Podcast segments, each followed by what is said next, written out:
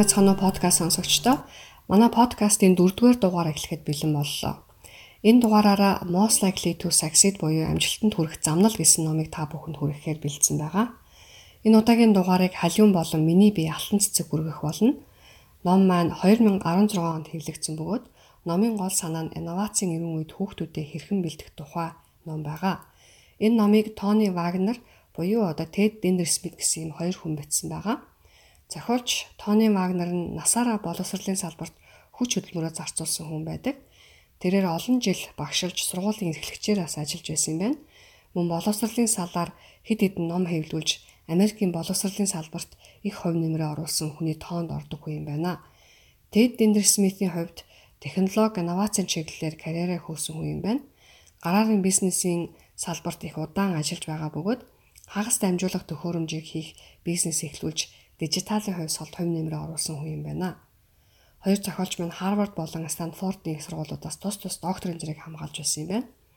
За энэ номороо зохиолчид өнөөгийн дунд сургууль болоод их сургуулиуд сурагчдыг цаашид ажлын байр олж эрх үүргээ ухамсарласан иргэн болж төлөвшөхөд мөн цаашид насан турш суралцаж өөрсдөө хөгжүүлэхэд шаардлагатай хэрэгтэй ур чадварыг олгохгүй байгааг бодит жишээнүүдээр харуулсан байгаа. Мөн боловсролын системд хувьсгал хийх цаг ирсэн бөгөөд 21-р зуунд тавигдаж буй шаардлагатай нийцсэн мэдлэг боловсрал чадварыг бий болгох тэр шин боловсролын систем хэрэгжүүлбэл зохих заах арга барилыг бодит туршлага судалгаан дээр үндэслэж бичсэн юм ном байгаа. Энэхүү ном нь Америкийн боловсролын системийг дүгнж бичсэн боловч аль ч орны нөхцөлд авууштай зүйлүүд байна гэж үзэж энэ номыг та бүхэндээ эмгэтхэн хүргэж байна. Номын эхэнд зохиолчт маань уншигчдаас нэг зүйлийг өөрөөсөө асуугаад үзээрэй гэж хэлсэн байдаг. За энэ нь таныг сурч байхад сургууль дотор юм уу сургуулаас гадуур хамгийн их таны боловсролд нөлөө үзүүлсэн зүйл юу байсан бэ гэсэн юм асуулт байгаа. За сонсогч та бүхэн маань подкаста төр зогсоогоод энэ асуултыг бас өөрөөсөө асуугаад үзээрэй. За энэ асуултанд хоёр зохиолч өөрсдөө бас хариулсан байдаг. Тооны сургуульд байхдаа их орой уншиж бичиж сурсан юм байна. За гисэн хэдий ч одоо номонд одоо их дуртай хүүхэд болж өссөн байдаг. За ном уншихдаа үгийн баялаг ертөнц оновчтой үг хэлхийг одоо их анзааран уншдаг байж. Тэгээд романуудыг унших болж 9 дугаар ангидаа богинохон одоо үйлдэлгүүд одоо бичих болсон байдаг. За харин түүний сонирхлыг дэмжих багш багш одоо ховор байснаас гадна тэр үед хичээл нь одоо ихэнхдээ дүрм зааж лекц маягаар орохт нь одоо их уйддаг байсан байна. За харин 12 дугаар ангидаа сургууль дээр нь өөрт нь бусдаас тийм онцгой мэдрэмж төрүүлсэн нэг хэл бичгийн багштай танилцдаг. Тэгээд түүнээсээ 7 хоногт нэг удаа давтлах одоо авдаг. За тэр багш нь тооныг олон янзын арга барил хев маягаар бичиж өөрийгөө юу чаддаг одоо сорж үзхийг одоо санал болгодог. За жишээ нь одоо хошин дүүх бичих эсвэл одоо үдсэн киноныхаа дүгнэлтийг бичих зэрэг. Бас бодит жишээн дээр ямар үг хэллэгийг хэрэглэхийг зааж цаашид уншвал зохих номнуудыг одоо хэлж өгдөг байсан байна. Энэ нь тоонод маш том эргэлт авчирсан бөгөөд түүнээс хойш тооны улам их одоо юм бичих хүсэлтэй болж энэ олон жилийн дараа ч гэсэн одоо юм бичих сонирхолт нь одоо хэвээрээ байгаа гэж тэр ярьдаг. За Тэдигийн хувьд нэг испани хэлний багшийнхаа тухай хуваалцдаг. За тэр багш нь одоо Тэд болон ангийнханд нь одоо их урам зориг өгч одоо испани хэл сурах ирмэлцлийг нь одоо их төрүүлсэн тийм багш юм байна. Хичээлээ маш хөвгөлтөйгээр зааж хичээл болгон нь бол харилцан ярилцгадаг маягаар одоо олон янзын сэдвээр өрнөн явагддаг байсан байна. За багш нь самбарын урд биш одоо ихэнхдээ хүүхдүүдийнхэн дунд нь орж одоо хичээлээ заадаг байсан байна. За хичээлийн жил дуусгаад тэд ангиараа одоо маш сайн ярианы испани хэлтэй болж төгссөн байдаг. Түүнээс хойш 45 жил өнгөрсөн ч гэсэн испани хэлээр ярьдаг оронд очиод ерөөсөө газарддаг үг юм. За харин одоо их сургуульд 2 жил үдсэн Франц хэлээ хичээлийн жилийн эцсийн шалгалтаа өгснөхийн дараахан одоо мартчихсан гэж ярьдаг. За халиуна чамайг сурч байхад сургуульд чинь юм уу сургуулаас гадар хамгийн их чиний одоо боловсролд нөлөө үзүүлсэн зүйл юу байсан бэ? За манай бага ангийн багш бол монгол хэлний багш байсан. За тэгээ биднэрт орой болгон 945-аас үндэсний радиогоор явдаг үлгэрийг сонсоод тэгээ түүнийгээ товчилж ир гэдэг юм даалгавар өгдөг байсан. За энэ болохоор миний хувьд яг бусад арга барилаас их ондоо одоо хүртэл санагддаг тийм Аа тэгээ багш маань түүгээр дамжуулаад биднийг одоо үлгэрээ сонсоод ойлгох, аа түүнийгээ санах, аа тэгээ хураангуулан бичих, алдаагүй бичих гэдэг ийм төрөл бүрийн одоо чадварыг богино хугацаанд их сонирхолтой аргаар суулгасан гэж боддгийн. А харин чиний хувьд ямар дурсамж байна л та? За миний хувьд 10 жилд Монгол бичиг орж байсан үеигээ сандгийн. Тэр үед манай ангийн багш бид нарыг хичээлээс гадуур Монгол бичгийн бичээчийн курст хамруулж ирсэн. Тэр бичээчийн курст яваад манай ангийн хүүхдүүдийн Монгол бичгийн хичээлд илүү одоо идэвхтэй оролцдог болсон одоо харагдаж байсан. Багш маань хүүхдүүдэд Монгол үндэснийхээ тий одоо бичгийн соёлыг зөвхөн гараараа бичиж сурахаас гадна за тэр бичээчийн одоо курсэд хамруулсан нь одоо ирээдүйд бидэнд хэрэг болох тэр одоо чадахыг суулгахыг одоо зорж байсан одоо харагддаг. За ингээд номынхаа одоо цөм хэсэгт оръё. За эхний бүлэг буюу одоо нэгдүгээр бүлгийг халиуна яриад явна. За бүлэг нэг маань болохоор одоо үеийн боловсролын гарал үүслийн талаар байгаа. За эртээр үед боловсрал гэдэг нь бодит амьдралтай илүү их уялдаатай байсан. Жишээ нь одоо агууд амьдарч явах үе гэхэд эцэг эхчүүд хүүхдээ хэрхэн босцтой хамтарч байгаа хийх юм аюулаас хэрхэн бие хамгаалахыг, гэр бүл болон омгийн гишүүтэйгээ хэрхэн харилцаж амьдрахыг гэдэг талаар буюу ийм боловсролын цөм хэсгийг заад сургадаг байсан. А за үүний дараа үед apprenticeship model гэж гарч ирсэн. Энэ болохоор дадлах хэлбэрээр одоо нэг мастертай тэгээд тэр мастрыгаа дагаад альва зүйлийг ингээ хийнгээ суралцдаг байсан үе байсан юм байна. За харин одоо бидний мөрдөж байгаа энэ боловсролын тогтолцоо гэдэг зүйл маань аль 18 дугаар зуунаас гаралтай. За энэ үед болохоор 8 жилийн одоо суур боловсрол дүн анги хичээл одоо зөвлөдөг маструудын оронд хяндаг багшлар гэх мэт одоо өнөө үеийн боловсролын тогтолцоо анх одоо бий болж исэн байна. За энэ үеийн болон одоо өнөө үеийн те энэ боловсролын философийн одоо яг гол утга нь юу юм бэ гэхээр бүх зүйл тодорхой нэг стандарттай байх ёстой. Одоо аль болох алдаа гаргахгүй байх ёстой гэсэн юм. Юмыг нэгэн стандарт буюу одоо нэг хэрэнд сутгах тийм алдааг хүлээн зөвшөөрдгөө. Ийм одоо философи ноёлсоор ирсэн бөгөөд ноёлчж байгаа юм л да. За тэгээ энэ хүү философи нь болохоор аж үйлдвэрийн 90 үе буюу 20 дугаар зуунд бол нэгэн хэвэн юм давтагдсан ажил зохилж байсан үед болохоор биелэлээ олж исэн. А гэтэл 21 дугаар зуунд маань одоо баг ихэнх ажлыг робот орлох болж байгаа тий. За тэгээ энэ хിവэрэ байгаад байх юм бол а одоо энэ хүү бидний боловсрал олгож байгаа энэ арга хэлбэр маань одоо яагаач болохгүй маа гэдгийг энэ хүү номороо их онцолж хэлсэн байгаа. За бид одоо боловсролын тогтолцоогоо өөрчлөөд те бодит амьдралд илүү ингэж нөгөө тусгасан ийм боловсролыг эзэмшүүлэхийн оронд одоо эсрэгээрээ Өмнөд Солонгос, Сингапур, Хятад гэх мэт сурагчид нь ихэнх цагаа стандарт шалгалт өгөхөд зориулдаг ийм орнуудыг дуурайгаад одоо тестэнд бэлтгэхдээ хитрхи их анхаарч байна. А мөн одоо бакалавр, мастер, доктор гэх мэт одоо хүн ямар зэрэгтэй байхаас одоо хамаарад тухайн хүнийг юм үнэлдэг нийгмийг илүү их бий болгоод байгаа юм л да. За хичнээн ингэж диплом, сертификат олж авахын тулд хамаг цаг мөнгөө зарцуулдаг ч гэсэн яг бодит ажил дээр одоо яг бодит ингэж нийгэмд гараад ажиллаад эхлэхээрээ а одоо яг тэр ажил дээр нь буюу нийгэмд хэрэгтэй ур чадваруудыг ерөөсөө ингэж эзэмшихгүй төсөөд байна гэдгийг одоо энэ хөө бүлгээр ингэж онцолж тавьсан байна. За тэгээ бүлэг нэгээрээ боловсролын гарал үүслийн талаар ярьсан болвол бүлэг 2 нь одоо боловсролын зорилгыг хэрхэн тодорхойлох юм бэ гэсэн бүлэг байгаа. За алтаа маань яриад явна. За бүлэг 2 нь боловсролын зорилгыг тодорхойлох нь гэсэн сэдвтэй бүлэг байгаа. Боловсролын зорилго юу вэ? За энэ нь одоо хэдийн энгийн ойлгомжтой асуулт бид санагтавч энэ тухай одоо сайн уул суурьтай бодож хариулт өгс нь бол ховор байдаг юм байна. Боловсролын зорилгыг одоо хэрхэн тодорхойлсныг одоо альва улсын боловсролын тогтолцоо, бодлого, тэдгээрийн одоо хэрэгжилтээс бол харж болох юм байна.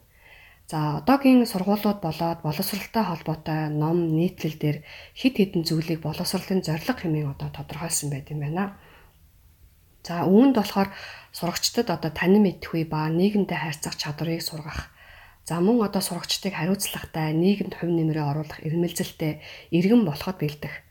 А мөн одоо зан авир төлөвшөгт нь анхаарч сурагч өөрийгөө танин мэдэх явцад дэмжлэг үзүүлэх А мөн одоо хүн төрлөختний бүтээсэн гайхамшигт бүтээлүүдийг таниулж сурагчдыг одоо цаашид сурж мэдэх бүтээж туурах одоо урам зориг өгөх. За бас одоо ирээдүйн ажлын байранд бэлтгэх гэсэн юм зорилгоодыг одоо тодорхойлон бичсэн байт юм байна. 2014 онд Вильям Дересивич гэдэг хүн хүүхдээ бүү Ivy League-ийн сургуульд явуул гэсэн юм гарчигтай нийтлэлээ New Republic-ийн одоо веб хуудсанд бол байршуулжээ. За энэ хүний гол хүргэх гэсэн одоо санаа нь Өнөөдрийн одоо их сургуулийн их сургуулиудын одоо зорилго нь сурагчдыг хүн шиг хүн болгон хүмүүжүүлэхэд орших ёстой гэсэн юм санаа байсан байна. За энэ нь одоо хүмүүсийн одоо анхаарлыг татаж олон хүмүүс одоо өөрсдийн санал бодлоо эргүүлж энэ сэдвэр бол олон мэтгэлцэн одоо ярилцлагууд одоо бий болж өрнөсөн байт юм байна. За хүн болгоны сайн мэдэг алдарт одоо Альберт Айнштейн хэлэхдээ аливаа асуудлыг шийдэх гэж яарахаас өмнө асуудал юунд оршиж байгааг тодорхойлох нь чухал байдгаа гэсэн байдаг. За түүнтэй нэг адил хэдий зорилгоо тодорхой болголооч өнөөдөр авч хэрэгжүүлж байгаа сургууль хүмүүжүүлэх арга барил буруу учир төрүүн дурдсан зорилгод одоо хүрэхэд бол бэрхшээлтэй.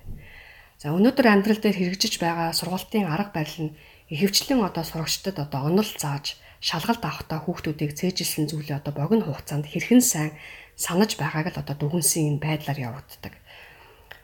Америкт сайн гэгддэг нэгэн хувийн сургуульд нэгэн туршилт одоо явагджээ.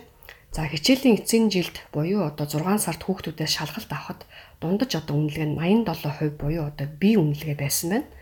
За хүүхдүүдийг зуны амралтаа дуусаад 9 сард сургуультаа орж ирэхэд 6 сард өгсөн яг жилд шалгалтыг арай их хэлбэршуулад одоо хүүхдүүдээс авахд дундаж үнэлгээ нь за 58% буюу одоо F үнэлгээ болтлоо одоо буурсан байт юм байна.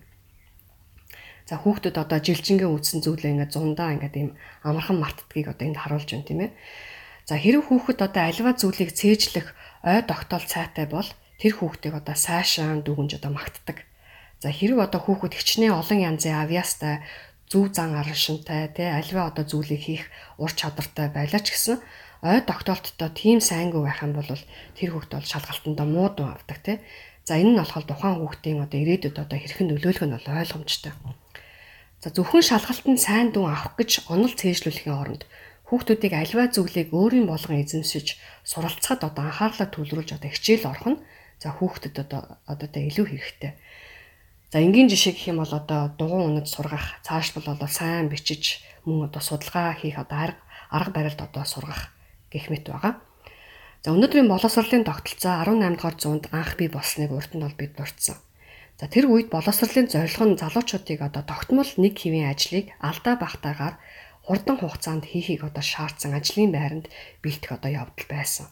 Харин тийм ажлын одоо байрууд өнөөдөр автоматжиж мэдээллийг одоо хаанаас ч олоод авчих болсон инновац инновац одоо шинэлэг санаа, шин арга барил, шин шийдэл шаардсан өнөө үед тэр үеийн сургалтын арга барилаар хүүхдүүдийг одоо сургах нь одоо тус биш усвал усвалж байна гэж одоо хэлж болно. За мэдээж одоо тодорхой хэмжээний онол суур мэдлэг хүүхдэд одоо заах нь чухалч гэсэн эдгээрийг одоо жинхэнэ өөрийн болгон эзэмшүүлэхэд олон дахин давтуулж мөн практик амьдрал дээр одоо тулгуурлаж одоо заах нь бол илүү үр дүнтэй. За ингээд одоо манай энэ 2 дугаар бүлэг маань өгөөр төгсдөг. За дараагийн бүлгийг одоо халуунаа сонсогчтой одоо хүргэх болно. За 3 дугаар бүлэг маань одоо ямар асуудлууд тулгараад боловсролын тогтолцоог зайлшгүй өөрчлөх шаардлагатай байгаар байгаа талаар ярина. За нэгдүгüрт нь болохоор эдийн засаг талаас нь аваад үзэх юм бол одоо үед эдийн засгийн үр бүтээмжийг нэмэгдүүлэхийн тулд одоо хүний оронд робот тий хиймэл оюун ухаан гэх мэт юм технологиудыг өргөнөөр ашигладаг болсон. За жишээ нь жолоочгүй машин гэдэг юм бол одоо зүр хүн жолоодод явж байгаас 3 дахин илүү аюулгүй байт юм байна л да. За мөн одоо мэдээллийг цуглуулад сонингийн өгүүлэлэг, бизнес репорт бичдэг аппликейшнууд гарсан. За хүн асардаг робот хоолны захиалгаа бид нэр одоо зөөгчд биш дэлгэцээр өгдөг болж байгаа. За ингээд цаашлах юм бол нэгтлэн бодогч хуульчтэй банкны эдийн засагч за мэсцэслийн эмчигч гэсэн одоо роботууд оролж эхэлж байгаа.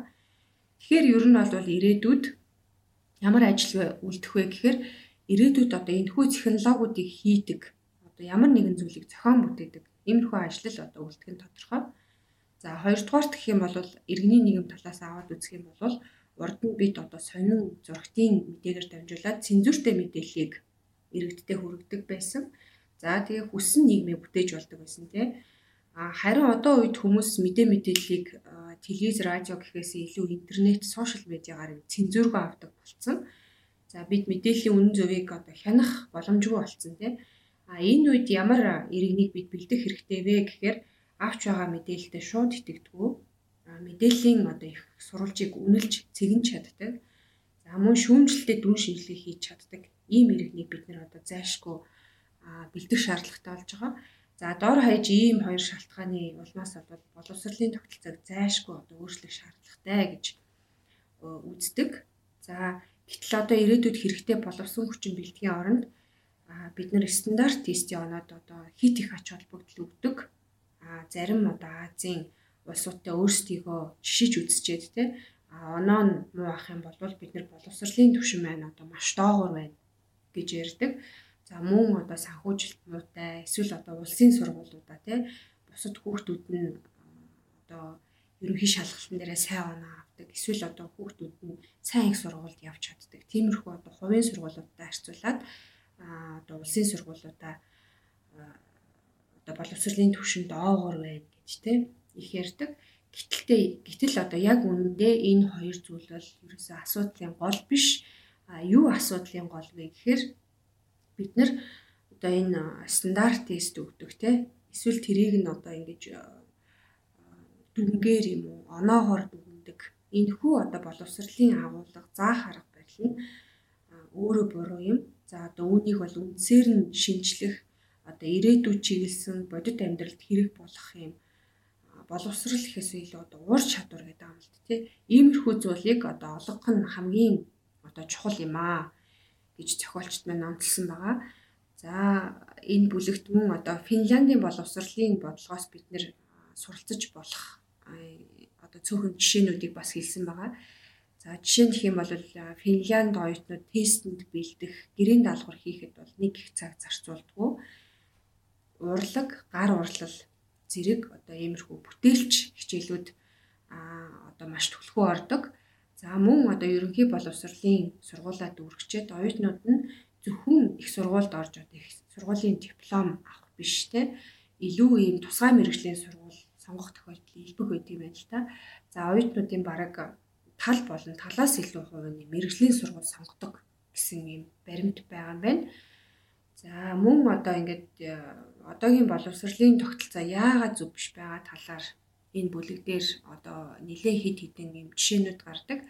За эндээс нэг ийм уур амьсгалын өөрчлөлийн талаар нэг жишээг дурдахад уур амьсгалын өөрчлөлт одоо явагдаж байгааг үүнд хүний буруу маш их байгааг бид нэр одоо хүн болгон л мэдж байгаа тийм а гэтэл боловсролын одоо энэ тогтолцоо гэдэг байгаа зүйл маань биднэрт ийм уур амьсгалын өөрчлөлтийн асуудлыг дүн шинжилгээ хийх чадвартай иргэн бэлдэж гэнэ үү гэхээр үгүй байгаад байгаа. За маш цөөхөн тооны одоо ахлах сургуулиуд л магадлалын онлын хичээлийг одоо хичээлийнхаа хөтөлбөрт оруулсан байдаг. Аа гэвч одоо ихэнх сургуулиуд ийм төрлийн яг амьдрал дээр гараад хэрэг болох хичээл огт ордгоо. Эсвэргээр юм хурдан мартагдах тий хим, биолог, физикийн одоо нэр томьёо цээжлүүлээд тэгээд тэрүүгээр шалгалт аваад идэх тий. А харин гэтэл бид нар бид нар эсвэргээрээ оюутнуудаа сурагчдаа одоо нотлох баримтыг хэрхэн олох юм шинжилгээ ухааны судалгаануудыг хаанаас олж судлах юм. За тэгээд одоо тэр судалсан зүйлээ те өөрийн үзэл бодлоо хэрхэн үгээр эсвэл одоо амаар те илэрхийлэх элемент юм амьдралд яг бодит хэрэг болох юм ур чадваруудыг сурагчтай одоо заах хэрэгтэй байгаа. За би саяхан нэг юм аналог подкастаар уур амьсгалын өөрчлөлийн талаар тэмцэгч Грета охин тэрний номыг сонссон. За тэгээ тэр Грета охин болохоор нэг удаагийн одоо ихтгэл бэлтгэхдээ маш олон юм шинжилгээ ухааны өгүүлбэрүүдийг харьцуулж уншдаг. За тэгээд тэр авч ашиглаж байгаа тоо баримтаа болохоор айгүй олон сурвалжаас ингэж нэгтэлдэг. Яа тэгэхээр одоо тэр охины тэр ихтгэлүүдийг те айгүй олон хүн сонсдог болцсон. Тэгэхээр одоо буруу тоо, буруу баримт ерөөсөө бас хүмүүст тэг хөргөж болохгүй гэсэн ийм өөрт нь хариуцлага оногдож байгаа гэдгээ бүр ингээ ухамсарлцсан. За тэгээд шинжлэх ухааны зарим хэцүү ийм томьёоллуудыг ойлгохын тулд эрдэмтдтэй одоо хамтарч ажиллаад тэдрээс зөвлөгөө авдаг гэж. За тэгээд энийг сонсонгуудаа би яг энэ охин одоо ахлах сургуультай сурж байгаагаас илүү иймэрхүү те ийм сайн дурын ажилласаа илүү одоо яг бодит амьдралд наалдах а одоо сургуулаа төгснөхийн дараа тэр охинд хэрэг болох ийм ур чадваруудыг сурж байгаа юм байна гэдгийг а яг үнсгээ ойлгосон. Тэгэхээр ер нь бол боловсролын тогтолцоо маань одоо энэ зүг рүү чиглэх хэрэгтэй гэдгийг зохиолчд маань ер нь удаадараа хэлж байгаа. За ингээд бүлэг 3 маань боловсролын тогтолцоог бид нэр яагаад заашгүй хийх ёстой вэ гэдэг ийм шалтгааныг дурдсан бүлэг байсан болвол за бүлэг 4 нь болохоор а дунд болон ахлах ангид тий хичээлийг яг ямар арга барилаар орвол зүгээр юм бэ гэдэг ийм сэдв тус бүрээр ярилцсан ийм бүлэг байгаа. За ингээд алтаа маань ярина. За дөрөвдүгээр бүлэг Ями гэдэг хүүхдийн түүхээр эхэлдэг. Ями гэдэг хүү Америкийн Лос Анжелес хотын зүүн хэсэгт байдаг нэг ядууфтар дүрэгт нэг цагаачийн гэрүүлд төрж өссөн байдаг. Тэр хичээлдээ их мэрэмтгий хүү байсан байна. А түүний ээж нь боловсралд нь бас их анхаардаг байсан байна. За их хичээж хөдөлмөрлсөний эцэст алдарт одоо UCLA буюу Лос Анжелес хотын их сургуульд одоо тэтгэлэг хожоод ордог. За сургуультай ороод тэр их өндөр шаардлагатай шинэ орчинд одоо ороод одоо их зочирддаг байгаа. За тэгээд хичээлээ дийлхэ болоод улмаар дөнгүүд нь одоо унж эхэлдэг.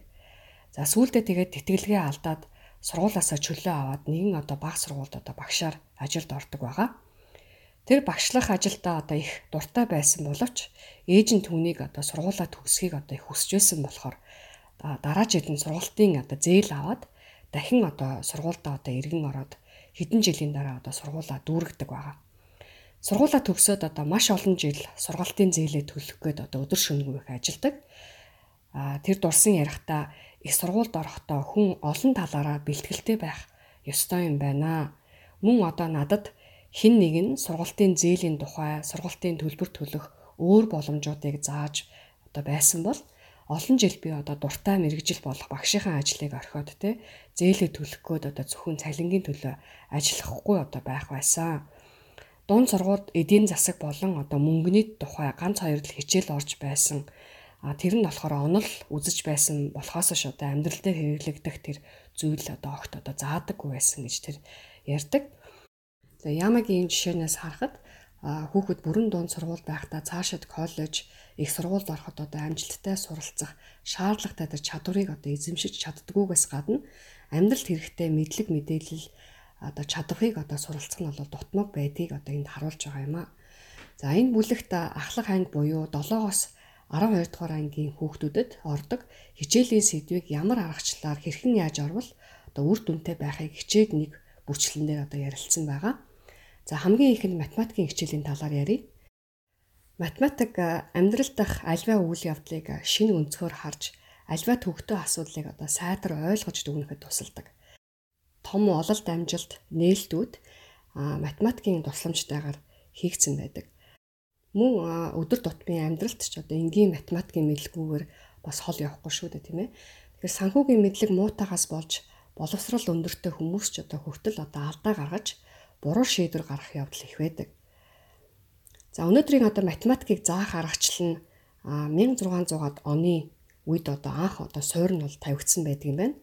Түүнээс хойш математик заах арга хөгжсөөр 20 дугаар зууны үед математикийг одоо заахта бага түвшний үйлдэл цээжлүүлэх, давтагдсан үйллийг таних, гараар бодлого бодохыг заах маягаар одоо хичээл одоо явагддаг болсон байна.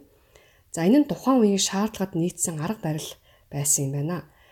За 21-р зуунд энэ арга барил нь одоо өөрчлөгдөөгүй хിവэрэ байгаа юм байна. А гар утсан дээр энгийн нэг математикийн аппликейшнаар маш түргэн хугацаанд ямар ч бодлогыг бодож одоо тайлбарыг нь хараад ойлгож болдог болсон одоо энэ өнөө үед те 20 дугаар зууны үеийн одоо арга барилаар хичээл заах нь бол одоо учир дутагдaltaй юм а. Өнөөдөр томьёо цээжлүүлэхээс илүү математикийг одоо амьдралд хэрхэн ашиглаж болохыг заавал одоо 21-р зуунд бид хүүхдүүдэд илүү сайн бэлдэж чадах юм байна. Математикт сайн хүүхдүүд нарийн үйлдэлийг гүйцэтгэж чаддаг хэрнээ цаад утга хэрэглээг нь ойлгосон ховор байдаг бараг хүүхдүүдийг хүүхдийн парк дээр аваачаад тоглуулад байхад хичээлд сууж одоо онол үзснээс илүү математикийн хэрэглээний талаар одоо илүү мэдлэгтэй болж болох юм байна. Жишээ нь одоо галзуу хулган машин дээр суугаад дээшээ огцом өгсөхөд а дериватив одоо буюу одоо налуу нь одоо эерэг байна. За хамгийн өндөр цэг дээрээ гарахад а дериватив буюу одоо налуу нь одоо тэг байна. Огцом доош уруудахад дериватив нь одоо сөрөг байна. Харин энэ замын эгц доод хэсгийг интеграл гэдгийг энгийн жишээнээс хүүхэд математикийн үйлдэлүүдийг одоо амьдралд хэрхэн хэрэгжиж болохыг одоо төвөггүй ойлгож болж байгаа юм. Орчин үеийн шаардлагаж одоо нийцэж математикийг хэрхэн зааж болох вэ? Зарим ахлах ангид хэрэгжүүлж болох сургалтын агуулгыг ямар үе шатаар зааж болохыг энд одоо дурдсан байгаа. Эхний жилд хүүхдүүдэд хэрхэн гар утасны аппликейшн ашиглан айлгавар, геометр, тригонометр, калкулусын одоо тусламжтайгаар аливаа асуудлыг шин арга барилаар шийдэхийг одоо багаар нь одоо суралцуулах. Хоёр дахь жилд нь магадлалын онол үүн дээр одоо үндэслэн одоо шийдвэр гаргах ур чадварыг заах. Гурав дахь жилд нь тооцооллын техник математикийн загварчлалыг зааж төгсөх жилд нь мэдээллийн дүн шинжилгээ хийж бие даан суралцуулах. За математик хэрхэн бусад одоо салбаруудтай уялдаа холбоотой болохыг одоо судлуулах. За ийм маягаар одоо математикийн хичээлийг явуулбал бид хүүхдүүдэд ирээдүйд илүү сайн бэлдэж чадах болно. За их хэл болон бичгийн ба ихтгэл тавих чадрын талаар ярив. Өнөө цаг үе хүмүүсээс сайн бичдэг, сайн ярьдаг, сайн ихтгэл тавьдаг. За тэгтээ бол оновчтой, чадварлаг, мөн одоо бусдад нөлөөлж чаддаг байх тийм одоо чадварууд байдаг шаардаж байна. За гэтэл өнөөдөр бид хүүхдүүдтэй эдгээр чухал одоо чадварыг заахдаа одоо их хайн хандаж байна.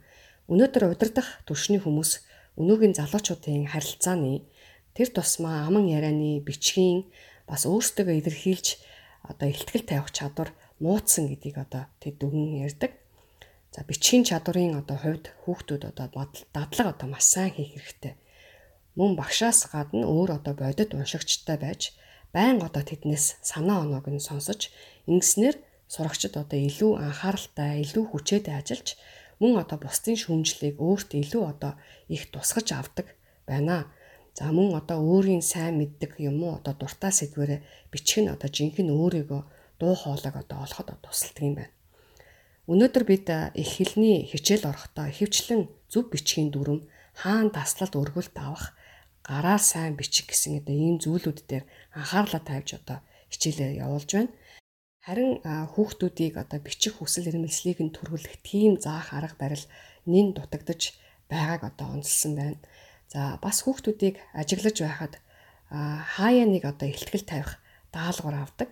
За тэгээд одоо ихтгэл тавихтаа тэд тавьж байгаа одоо сэдвэрээ уялдаа холбоо муутай хилд гэсэн санаагаа одоо оновчтой илэрхийлж тий бусдын одоо анхаарлыг одоо татгаар тийм одоо сайхан тийм ярьж чадахгүй байгааг одоо энд ажигласан байдаг. За багшийг одоо асуулт тавихад дутуу хөвгүүлбэрээр одоо баг шивнэх маягаар одоо хариулах нь одоо илбэг байдаг болсон юм байна. За мөн одоо PowerPoint, Office програмгүйгээр одоо ихтгэл тавих чадвар бас одоо муудсан байгааг одоо ажигласан байдаг. За хүүхдүүдийг одоо тод ойлгомжтой ярьж өөрийн санаа, үзэл бодлоо зөв илэрхийлж хамгаалж чаддаг байх тэр одоо чадварыг одоо мэтгэлцээний анги клубуд одоо хөгжүүлж байдаг юм байна. Хүүхдийн үгийн сан хэр баялаг байна. Тэр хэмжээгээр хүүхэд ирээдүйд альва зүйлд амжилт гаргах нь одоо их байдаг юм байна. Өнөөдөр номын хүртээмж их болсон үед хичээлээ зааж шалгалт авахдаа хүүхдүүдийг зүгээр үг цээжлүүлж хитгэн одоо төрлийн ном уншихыг одоо шаардах нь учир дутагдaltaй. Хүүхдүүдийг дуртай сэдвээр нь олон төрлийн ном уншуулахыг одоо дэмждэг бол их сайн. Мөн одоо өнөөгийн мэдээллийн зунд мэдээллийн үнэн худлыг олж мэдэх ямар их сурвалжаас гаралтай зөвхөн нэг талыг баримлж буй эсийг одоо олж харахад суралцах. За мэдээллийг шүүн тунгааж шүүмжлэлттэй хандах арга барилыг хүүхдүүдэд одоо заах нь чухал юм аа. За түүхийн хичээлийг ямар арга барилаар заахыг бас энд дурдсан байгаа. За 100-аад жилийн өмнө одоо анх түүхийн хичээл орж эхлэхэд түүхийн талаар мэдлэг мэдээлэл одоо ховор байсан. Тэр үед хүүхдүүдэд юу заах нь чухал байснаас юуг яаж бодож дүн шинжилгээ хийх нь одоо сонирн биш байсан үе. За харин өнөөдөр түүхийн хичээлийн зорилго нь болсон үйл явдал баримтыг заагаа зогсохгүй олон янзын их сурвалжаас үүдэлтэй мэдээ нийтлэл үзэл санааг хэрхэн дүгнэн дүн шинжилгээ хийж өөрийн байр суурь өөрийн одоо бодлоо бий болгохыг заахад одоо орших ёстой. өнөөгийн нийгмийн яривтай асуудлыг шийдэхэд түүхээсээ суралцаж өөрийн үзэл бодлоо бий болгож мөн одоо иргэнийхээ хариуцлагыг одоо биелүүлэх ёстой. За жишээ нь Калифорнигийн одоо Сакраменто хот хэрхэн тус мужийн нийслэл болсныг одоо заахтаа хүүхдүүдийг бүлэгт хуваагаад бүлэг тос бүр одоо хэрв өөрсдөд нь тус мужийн нийслэлийг сонгох эрх мэдэл байсан бол аль хотыг одоо нийслэлээр сонгох байсныг хоорондоо ярилцаад дараа нь одоо ангийнхаа нийт хүүхдүүдтэй одоо өөрсдийн санаагаа хуваалцах. Сакраменто хотыг сонгосноор тэдний бодлоор юу нь буруу, юу нь зөв байсныг одоо шүүн тунгаан ярилцах маягаар хичээл явагдвал олоо илүү одоо үр дүнтэй байх юм а гэжээ. За шинжлэх ухааны хичээлийн талаар мөн бас энэ дурдсан байгаа. Вильям Валлес гэдэг эрдэмтэн хүн Жорж Таунны сургуульд биологийн хичээл 14 жил одоо заахта оюутнууд шинжлэх ухааны хичээлүүдэд сурч байгаа зүйл нь одоо их чамлалтай байсныг одоо анзаарсан байдаг. За тэгээд тэр хичээлээ өөр одоо аргаар одоо явуулах болсон байна. За хичээлээ явуулахдаа hypothesis буюу одоо таамаглал боловсруулад түүн дээр үндэслэж туршилт явуулан гарсан одоо үр дүн шинжлэх шинжлэх аргаар одоо хичээлээ явуулдаг болсон байна.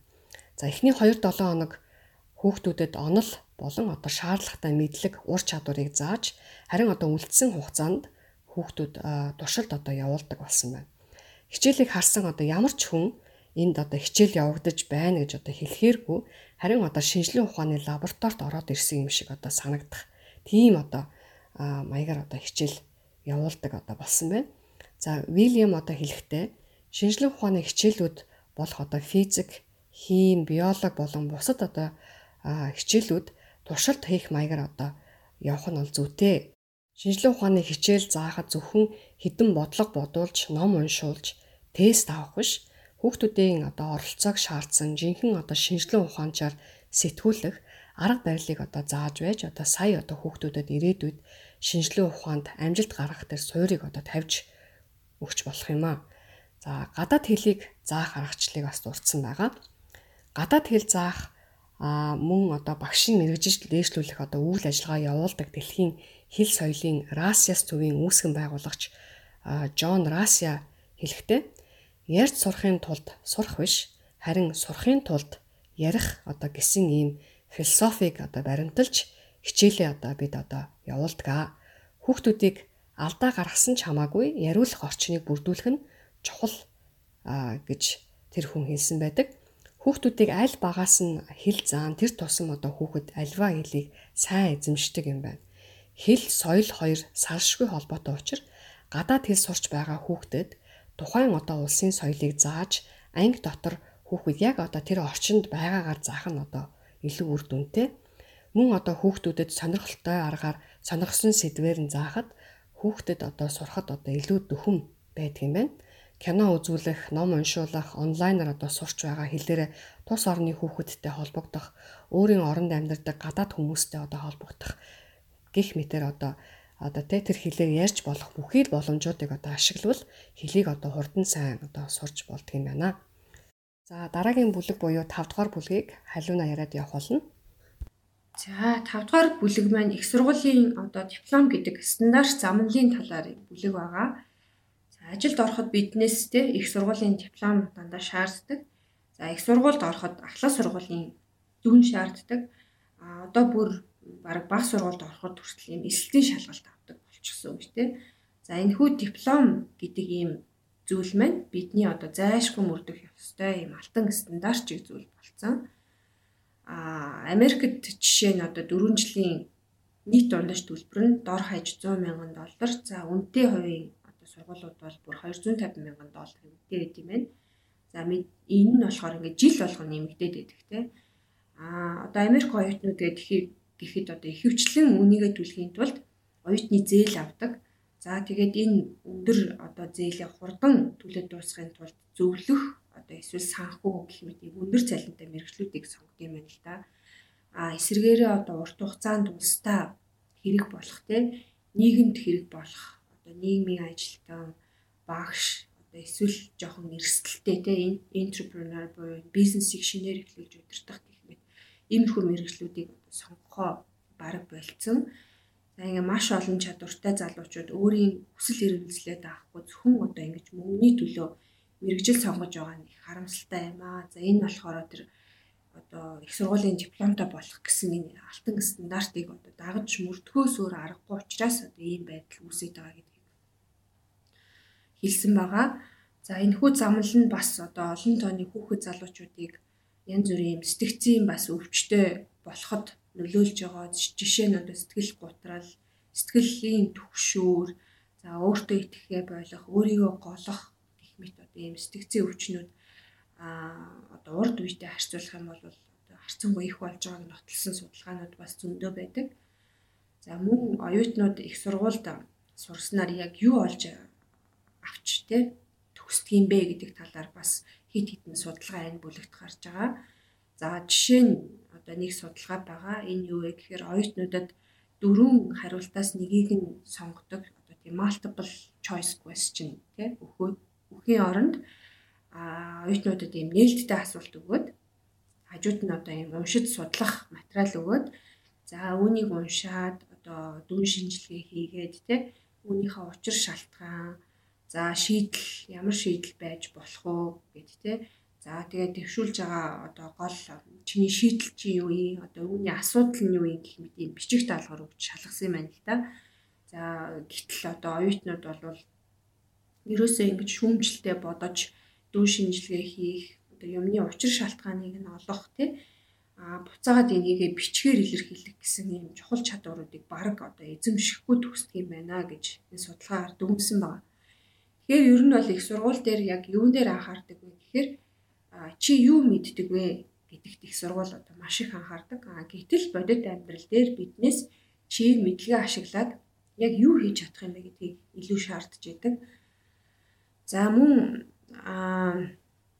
MIT гэдэг одоо Америкийн технологийн топ сургуулийн нэг оюутан MIT төгссөн юм 300 инженерээс та одоо ажил дээр гарсныхаа дараа тийм сургуульд үтсэн зүйлүүдээсээ одоо яг ямар зүйлийг хэрэгжилж байна танд одоо хэрэгтэй зүйл байсан уу гэсэн юм судалгаа авсан байна л да. За тэгээд энэ судалгаанд орсон хүмүүс юу гэж хариулсан бэ гэхээр ихэнх нь ер нь бол сургуулийнхаа их их цагийг мэрэгжлийн нарийн хичээлүүдийг сурахад зарцуулсан байдаг бид нэр гэтэл энийг бол тэ яг ажил дээр гараад бид нэр суралцах боломжтой. А гэтэл харин одоо бусдаас хараат бусаар сэтгэх тийм бодох а одоо ингээд багаараа хамтарч ажиллах бусадтай ингээд аятайхан харилцаад явах гэх мэт иймэрхүү чадваруудыг бид нэр огт эзэмшээгүй төгсдөг юм байна гэсэн бас ийм хариултуудыг өгсөн байт юм байна. За мөн одоо нэгэн одоо Америкийн нэгэн алдартай бизнес эмэгтэй а одоогийн одоо оюутнуудыг дүгнэж хэлсэн байгаа юм л да. За энэ эмэгтэй юу гэж хэлсэн бэ гэхээр оюутнууд ер нь бол амжилтын хойноос их хөөцөлддөг болсон байна. За тэгээд тэд мөн одоо дүрмийг те ягштал баримталдаг. Одоо ингэ дүрмнээс ерөөсө гарч сэтгэдэггүй гэсэн үг те. Маш юм үгэнд оромтгой Аа тэгээд э, бизнес эсвэл инженер эсвэл эмч гэдэг юм одоо яг нэг мэрэгжилд хит анхаарлаа төвлөрүүлсэн. Аа одоо мэрэгжлийн тал дээр ерөөсөө юм уян хатан биш байна. Аа харин гэтэл биднэрт одоо яг бодит амьдрал дээр ямар хүн хэрэг болдог вэ гэхээр харилцах чадвартай, бусдтай хамтрах чадвартай. Дүрмийг одоо ягштал бүр ингээд дагаад мөрдөд идэггүй харин дүрмийг өөрөө зохиож чаддаг. За тэгээ бүтээлч дээрэс нь одоо санаачлахтай за олон одоо төрлийн мэрэгжил рүү те бас юм холбирч чаддаг юм уян хатан хүмүүс хэрэгтэй байна гэж тэр юм ихтэй хэлсэн байна. Тэгэхээр ер нь бол ямар ур чадварыг эзэмшүүлэх хэрэгтэй вэ гэдгийг одоо бид нар улсын эсвэл юм хувийн те ажил хийдэг эсвэл юм бизнес хийдэг ийм хүмүүсээс сонсоод тэд нэртээ одоо яг ямар ур чадварыг бид нэр оюутнуудад эзэмшүүлэх ёстой юм бэ гэдгийг эхлээд тодорхойлцоод за энийг болохоор их сургууль тим тим ур чадвар эзэмшүүлээ. За их сургуульд ийм одоо оюутан бэлдэж оруулж ирэхэд бол ерөнхий боловсрол бид нэрт одоо яг ямар оюутан биш ямар сурагч бэлдэх юм бэ гэх тээ. Одоо ийм дээрээс нь доош нь чиглэсэн ийм боловсролын бодлого бид нэр хэрэгжүүлж чадах юм бол илүү зүгээр юм байна гэсэн санааг дэвшүүлсэн. За харин сүүлийн үед бол том компаниуд бас энэ диплом дүн гэсэн хандлага өөрчлөгдөж байгаа юм дүр зураг бас ажиглагдж байгаа юм байна л да. За жишээ нь гэх юм бол Google компани топ их сургуулийн одоо хамгийн өндөр оноотой хүүхдүүдээс ажлын ярьцлага аваад ажилдаа шалгаж авдаг байсан. А гэтэл энэ датагаа шинжилгээд үзсэн чинь тэр нь бол тийм үр дүнтэй байгаагүй. Тийм болохоор Google одоо оюутнуудаас тий дүнгийн улбар огч хаарддаг юм.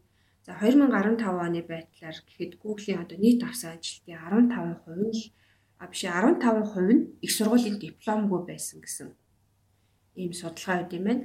За Deloitte гэдэг аудит зөвлөгөөний том фирм байдаг тийм.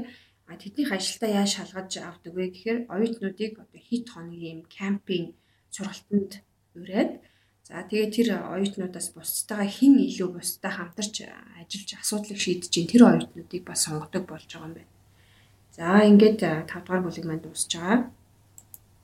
За бүлэг 5 маань одоо яг энэ тий их сургуулийн гэдэг их сургуулийн диплом гэдэг маань алтан стандарт чиг зүйл болсон байна гэдгийг өгүүлсэн бүлэг байсан болол за бүлэг 6 маань болохоор боловсролын одоо гол хүчин зүйл болох хичээл заах, суралцах, дүгнэлт хийх арга барилуудын талаар дурдна. За энийг алтаа маань ярина. За 6 дугаар бүлэгт боловсролын гол хүчин зүйлүүд болох хичээл заах, за мөн суралцах, дүгнэлт хийх арга барилуудын талаар энд ярилцсан байгаа. За хичээл заах арга барилын талаар товч ярив. Өнөөдөр хичээл зааж байгаа гол арга барил нь одоо лекц маягаар явагдаж байдаг. За лекц гэж юу вэ гэдгийг тодорхойлсон тийм хошин боловч юм үнэн үг байдаг юм байна. Лекц гэдэг нь багшийн дэвтэр дээрх мэдээллүүд сурагчийн тарих руу н орохгүйгээр дэвтэрлөө нь одоо шилжин орж байгаа үйл явцыг хэлнэ гэж ном номын сан одоо ховор байсан 1800 онд хүүхдүүдэд ингэж одоо хичээл заахаас одоо өөр аргагүй байсан үе. Харин өнөөдөр хүүхдүүд мэдээллийг гарынхаа үзүүрээр одоо олж болдог болсон үе. Асуулт байвал минутын дотор дэлхийн хаа нэгтгээс одоо хариугаа авч болж байна.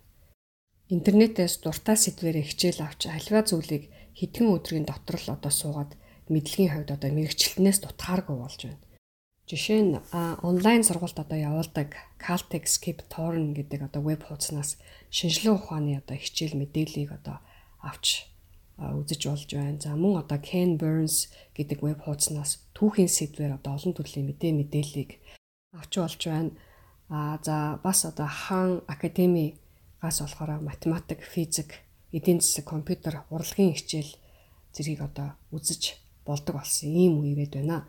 За багш нарын хувьд ч гэсэн одоо тэдгээр мэдээллийг те давж гарч одоо олон цагийн лекц тавихад одоо хүндрэлтэй одоо болсон цаг үе. За гэхдээ онлайнаар явагдаж байгаа лекц одоо хичээлүүд жинхэнэ одоо ангид суугаад лекц сонсоос одоо дээр гэж одоо хэлэхгээгүй юм аа. Онлайнаар ч одоо ангид ч аль аль нь бас л одоо тийм хуучрагдсан нөгөө л багш нь яаж сурагч сонсдог хэлбэрээр хичээл зааж байгаа учраас бас одоо үр дүн муутай. За оюутны тарих шүн унтаж байхдаа биш одоо харин лекц сонсож байх үед бол хамгийн идэхгүй үедээ орсон байдаг гэж нэгэн судалгаа гарсан байна. За бас нэг судалгаагаар одоо лекц маягаар хичээл орсноос хүүхдүүдийн оролцоог хангасан арга барилаар хичээл явуулах нь одоо хүүхдүүд шалгалтанда унах нь одоо эрс багасч одоо харин ч одоо өндөр оноо авах болсон байна. За суралцах арга барилын талаар ярив. Хүн сонсоод юм сурдгүй юм байна. Юмыг сурыг гэвэл байн бодож одоо эргцүүлж өөрийн санаа оноогоо боловсруулж сайн асуулт тавьж асуултанд одоо хариулж чаддаг байж тэр одоо сэдвийг сая одоо өөрийн болгож авдаг юм байна. Хүүхдүүдийн гаргасан санаа санаачлагыг дэмжсэн бас мэтгэлцээ маягаар хичээлээ явуулах нь хүүхдүүд одоо цааш юм сурах урам зоригтой болдог юм байна. Харвардын их сургуулийн физикийн техникийн эрхлэгч Эрик Мазур суралцах арга барил сэдвэр одоо судалгаа явуулж энэ чиглэлээр олон үнэтэй одоо санаа дэвшүүлээд байгаа хүн юм байна. Тэр хэлэхдээ хичээлийн үеэр хүүхдүүдийг сайтар бодуулах асуулт тавьж бие биенээс нь суралцуулж мөн одоо гар бие оролцуулсан маягаар хичээлээ явуулах нь одоо хүүхдэд үлдэцтэй байдаг. Жишээ нь нэг удаа Эрик Google компани судалгаа ба хөгжлийн төвдөр Америкийн техникийн салбарт урдаа барьдаг хүмүүст хичээл орж байхдаа ийм асуулт тавьсан байна дотроо дугуй нүхтэй, тэгш өнцгтэй, хэлбэртэй хавтгай металлыг халаахад дундах нүхний диаметр За нэгт ихсхүү, хоёрт хിവэр байх уу, гуравт багасх уу гэж асуухад тэр өрөөний энерги өөрчлөгдөж ирч хүчтэй уур амьсгалд бий болж хүн болгоныг бодуулж оролцуулж чадсан хичээл болсон байна. Харин үүний оронд хичээл эхлэхээс өмнө өнөөдөр дулааны тэлэлтийн коэффициент үзнэ гэсэн бол хүмүүс одоо дээрх байдлаар хүлээж авахгүй байх байсан баг. За боловсролын 3 дахь хүчин зүйл буюу дүгнэлт хийх арга барилын талаар ярив. Сайн дүгнэх нь боловсролын одоо салшгүй нэг хэсэг. Шалгалтанд ирж байгаа асуултууд ирээдүйд хүүхдэд хэрэгтэй мэдлэг чадварыг эзэмшсэн эсхийг шалгахын оронд хүүхдүүдийн цаг мөнгийг нь барж зөвхөн ойрын санамжийг дүгнсэн асар бага хугацаанд их хэмжээний амьдралаас тасарсан асуулт асууж бодлого бодуулах нь хүүхдүүдийн цаашид одоо амьдралдаа сэтгэн бодох чадвар, зохион бүтээх уран зохийг нь одоо бөхөөж байдаг юм байна. За хүүхдүүдийн сургуульд юу сурсан эсхийг шалгахдаа сэдв сэдвэр биш тодорхой одоо чадвах суусан эсхээр нь дүгнсэн үнэлгээний арга барил одоо дутагдж байна. Эдгээр чадваруудыг за жагсаавал альва зүйлд шүүмжлэлтэй хандаж шийдлийг олж чадаж байгаа эсхийг. За өөрийн хүрээндээ хамтын ажиллагааг бэхжүүлж үлгэр жишээгээр удирдах чадвар суусан эсэх. Уян хатан байх ба дасан зохицох чадвар мөн санаачлахтай байж шинээр бизнес эхлүүлэх мөн одоо удирдах чадвар суусан эсэх. Аа хамгийн сүүлд нь өндөр ярианы бичгийн болон мултимедиагийн харилцааны соёл суралцсан эсэх гэсэн эдгээрийн дүгнсэн одоо боловсролын систем хэрэгтэй байна гэсэн байна. За 7 дугаар бүлэг буюу сүүлийн бүлгийг халиуна та бүхэнд хүргэх болно. За 7 дугаар бүлэг маань боловсролын ирээдүг шинэ өнцгөр харъя гэсэн бүлэг байгаа. За 21-р зууны чадварууд гэхээр олон хүмүүс маш олон янзын чадваруудыг нэрлэдэг. Гэхдээ ерөнхийдөө дөрвөн нийтлэг одоо чадвар дээр санал юм байна л да.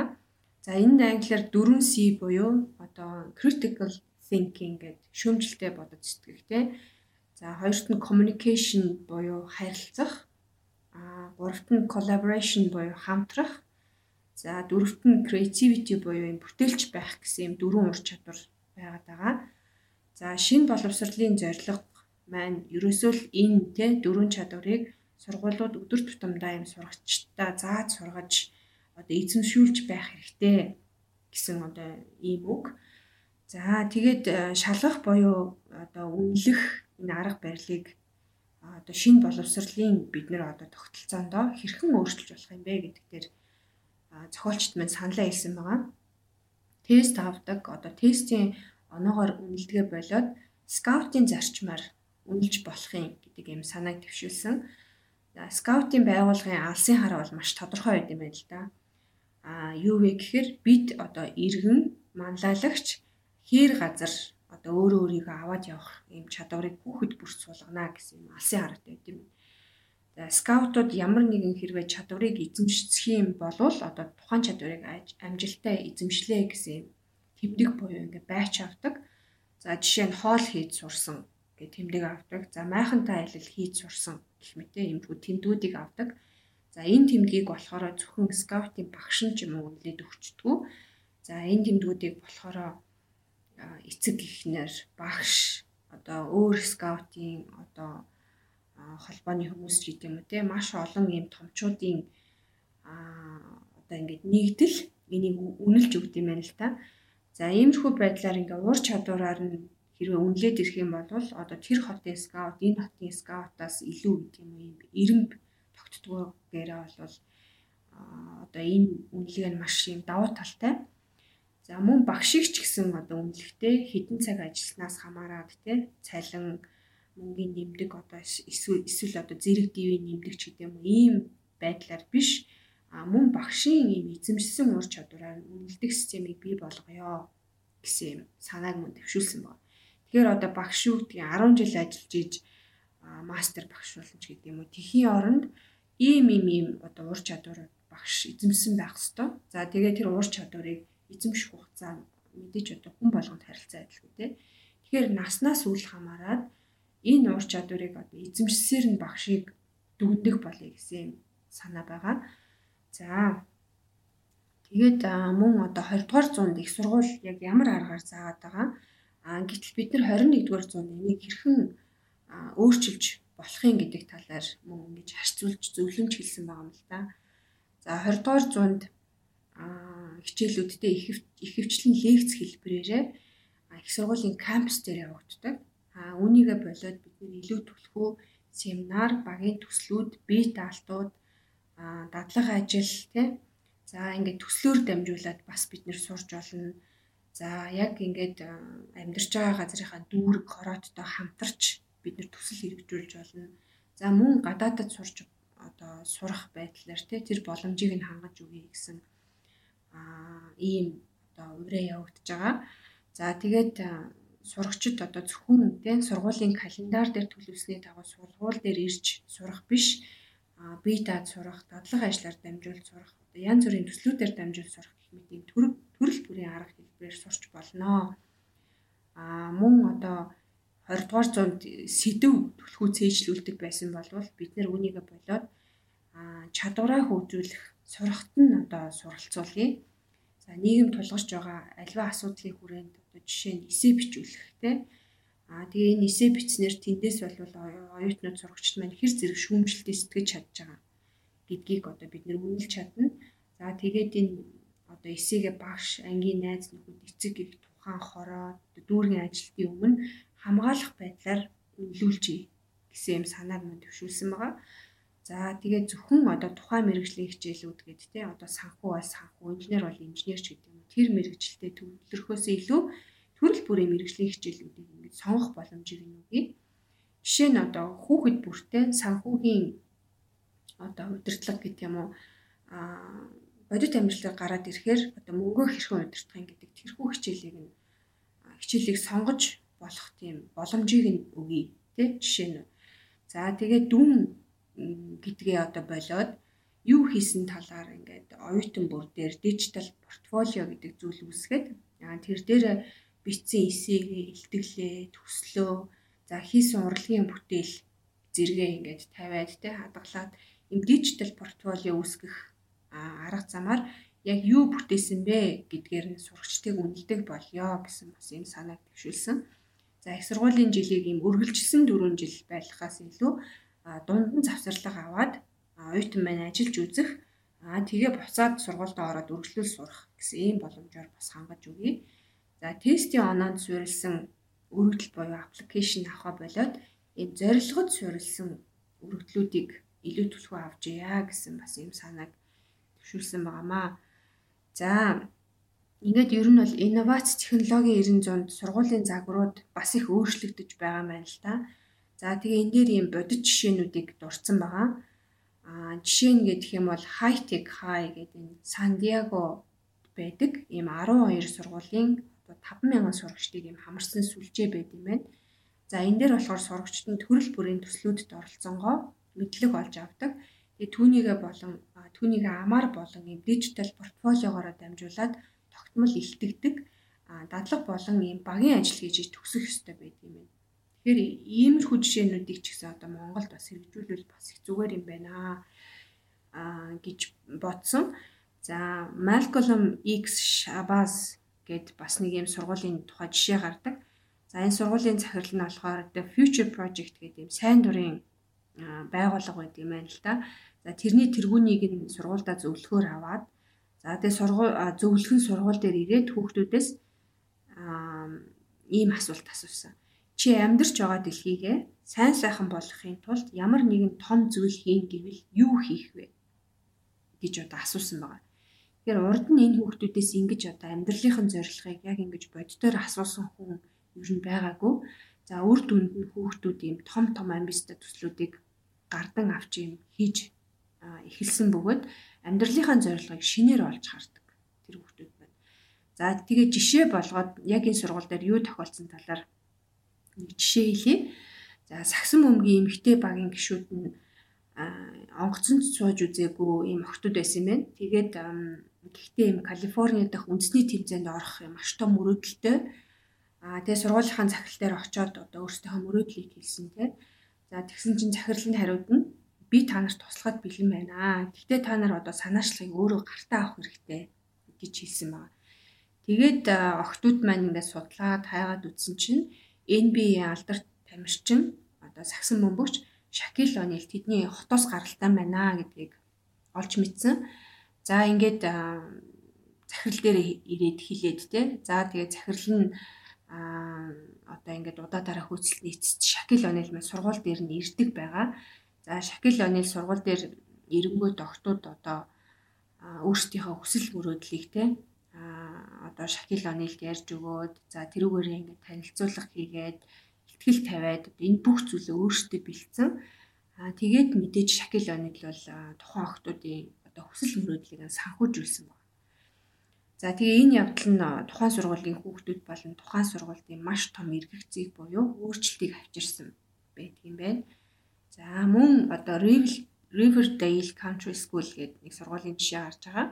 За энэ сургуулийн одоо хамгийн ихний алхам бол AP буюу одоо их сургуулийн төвшний хичээл бэлддэг энэ гүнзгий одоо хичээлүүд байдаг те. Одоо энэ сабжиг сабжигтаараа тусдаа одоо тоо физик англи хэл энэ төргээ те. За энэ хичээлүүдийг одоо бүгдийг нь сургууль дээр явуулахаа болсон. А оронд нь IDEO гэдэг дэлхийн хамгийн санаачлагтай дизайны компанитай хамтраад багш нарт дизайны сэтгэлгээ загварчлал зэргийг түлхүү заагаад тэгээд ангид илүү хийх бүтээх гэдэг зүйлийг одоо хийж эхэлсэн байт юм байна. За мөн одоо Beaver Country Day гэдэг сургуулийн жишээ гардаг. А энэ сургууль болохоор 6-аас 12 дугаар ангид юм заадаг хувийн сургууль юм байна л да. За энд болохоор компьютер программын хичээл ерөөсөө дангаараа ордгоо. Програмчлал бүх хичээлтэй ингэж холбогдож ордог. За жишээ нийгмийн ухааны хичээл гэхэд хүүхдүүд нь 2100 он дэлхийн хүн ам хэд болох юм бэ гэдгийг компьютерийн програм ашиглаад таамаглаж авах жишээтэй. За сурагчид нь 90 өдрийг сургуулаас гадуур MIT Media Lab болон одоо Harvard-ийн экспертүүд мөн инженер, дизайнер, хөгжимчид, бизнесмен зэрэг юм хүмүүстэй хамтраад яг бодит амьдрал дээр ийм кейсүүдтэй ажилладаг. За эндээс ямар ямар төслүүд гарч исэн бэ гэхээр ирээдүйн хотын загварыг гаргаж исэн байна. Энтгэх дах одоо ядуу хүүхдэд зориулсан боловсролын аппликейшн хийсэн байна. А 3D принтерийн тусламжтайгаар загвар бүтээдэг. А мөн дугуйны тусламжтай ус цэвэршүүлэх систем, за ирээдүйн хүүхдүүдийн номын загварыг бүтээх гэх мэт маш том юм том төслүүдийг амжилттай хэрэгжүүлсэн байт юм байна. Аа за тэгээд зохиолчт маань бас ингээд төсөөлсөн байгаа юм л да. Ахлах сургууль юм байвал ямар вэ гэд. За ахлах сургууль 4 жил байдаг. А 8 семестртэй гэсэн үг. За 8 удаа 6 6 сараар ингээд өөр өөр байдлаар тий ахлах сургуулиудыг оруулбал ямар вэ? За нэг семестрт нь болохоор хэрвээ байгальд дуртай хүүхэд байлаа гэхэд а биологийн судалгааны хүрээлэнд ажиллах нэг семестр нь. За дараагийн удаа болохоор музейм, зоопаркт ажиллах. За нэг семестрт нь болохоор биологийн ангидаа суралцаад яг онлоо сурах тийм.